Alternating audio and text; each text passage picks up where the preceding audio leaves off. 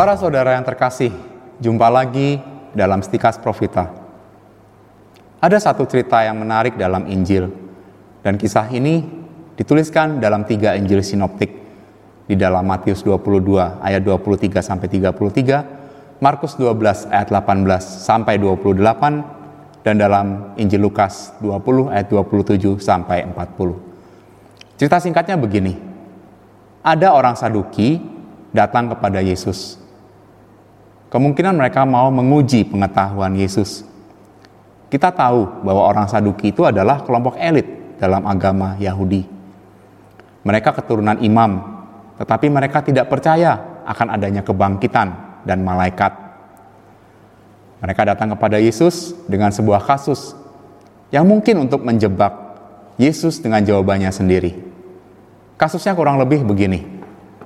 Ada sebuah keluarga dengan tujuh anak laki-laki Anak pertama menikah dengan seorang perempuan, tetapi kemudian meninggal tanpa menghasilkan keturunan atau tidak punya anak. Karena hukum Musa mengatakan, jika seseorang mati dengan tidak meninggalkan anak, saudaranya harus kawin dengan istri saudara yang meninggal tadi untuk membangkitkan keturunan baginya. Nah, demikianlah akhirnya saudara yang kedua menikah dengan perempuan tadi. Namun, ternyata dia juga meninggal tanpa meninggalkan anak atau menghasilkan anak. Lalu saudaranya yang ketiga kawin lagi dengan perempuan itu. Namun juga nasibnya sama, meninggal tanpa anak. Demikianlah seterusnya sampai saudara yang ketujuh. Semuanya meninggal tanpa memiliki anak. Perempuan itu pun akhirnya meninggal juga. Ya memang tampaknya ini aneh Tujuh laki-laki nikah dengan satu perempuan. Semua laki-laki meninggal tanpa meninggalkan seorang anak pun. Sebuah contoh yang nampaknya cukup ekstrim dari orang Saduki untuk dihadapkan kepada Yesus. Mungkin dalam kenyataannya tidak ada yang seperti itu. Ya, tetapi demikianlah orang Saduki mau mencobai Yesus. Cerita ini memang harus diakui lucu dan menggelikan. Tetapi menurut saya, kita bisa memetik satu pelajaran yang amat berharga dari cerita ini. Nah, kelanjutannya adalah orang Saduki itu bertanya kepada Yesus, "Pada hari kebangkitan nanti, siapa yang menjadi suami dari perempuan itu?" Dengan kata lain, di surga nanti, siapa yang hidup bersama perempuan ini? Apakah ketujuhnya, ataukah hanya salah satu dari mereka? Nah, lalu pertanyaannya, apakah di surga nanti kita berkeluarga seperti di dunia ini? Kalau melihat contoh yang diberikan orang Saduki kepada Yesus tadi, bisa-bisa di surga terjadi perebutan istri. Tapi ternyata jawaban Yesus cukup menohok. Yesus mengatakan begini, "Kamu sesat, kamu tidak mengerti kitab suci dan kuasa Allah." Kita bisa lihat ini dalam Matius 22 ayat 29. Berdasarkan contoh tadi, kita lihat orang Saduki menyangka surga itu seperti di dunia ini mereka menyangka bahwa hidup berkeluarga bisa berlanjut di surga. Misalnya begini, istrinya meninggal, lalu beberapa tahun kemudian suaminya juga meninggal. Lalu di sana bisa bertemu lagi, jatuh cinta lagi, menyambung lagi hidup berkeluarga, lalu punya anak lagi. Itu bukan di surga, tetapi itu di dunia ini. Bagi kita, kawin dan dikawinkan hanya ada di dunia ini saja. Di surga, orang tidak lagi jatuh cinta karena seluruh cinta yang ada hanya terarah kepada Tuhan, hanya terarah kepada Allah. Kita jatuh cinta hanya di dunia ini saja. Pada saat kita mengenakan tubuh atau badan ini.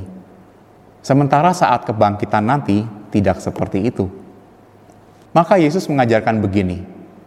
Pada waktu kebangkitan, orang tidak kawin atau dikawinkan melainkan hidup seperti malaikat di surga. Kita bisa lihat hal ini dalam Matius 22 ayat 30. Jadi jelas bahwa apa yang dikatakan Tuhan Yesus bahwa di surga orang tidak lagi membangun keluarga. Orang tidak lagi saling jatuh cinta, tetapi kita hidup seperti malaikat.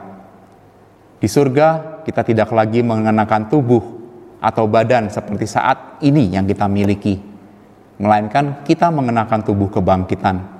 yaitu tubuh mulia atau tubuh rohani.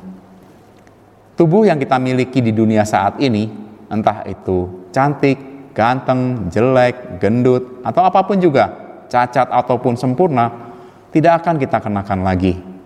Demikian juga nafsu-nafsu yang terkandung dalam tubuh dunia ini tidak akan ada lagi. Maka di dalam surga, orang tidak lagi mencari hal-hal yang duniawi dalam bentuk keinginan seksual, keinginan akan harta kekayaan, uang, makanan, dan sebagainya. Tidak ada lagi hidup seperti di dunia ini. Ya memang ada beberapa tradisi dan keyakinan tertentu yang kalau meninggal biasanya peti matinya diisi dengan uang, dengan perhiasan, dan sebagainya. Namun bagi iman kita semuanya itu tidak akan ada gunanya lagi. Di surga orang tidak lagi menggunakan perhiasan, Orang tidak lagi memerlukan uang atau menggunakan uang. Oleh karena itu, ketika Yesus mendengar pertanyaan orang-orang Saduki itu, ia berkata kepada mereka bahwa kamu sesat, kamu tidak mengerti kitab suci. Oleh karena itu, kita juga jangan berpikir bahwa hidup di surga seperti hidup di dunia ini. Di surga semua manusia bahagia. Di surga hanya ada kebahagiaan sempurna dan manusia mengenakan tubuh yang rohani dan bukan fisik seperti yang kita kenakan saat ini. Dengan demikian, ia bebas dari segala macam keinginan, seperti keinginan yang sifatnya hal-hal duniawi. Tidak akan ada lagi kawin dan dikawinkan dalam kerajaan surga. Jadi, kita keliru kalau kita melihat surga seperti di dunia ini.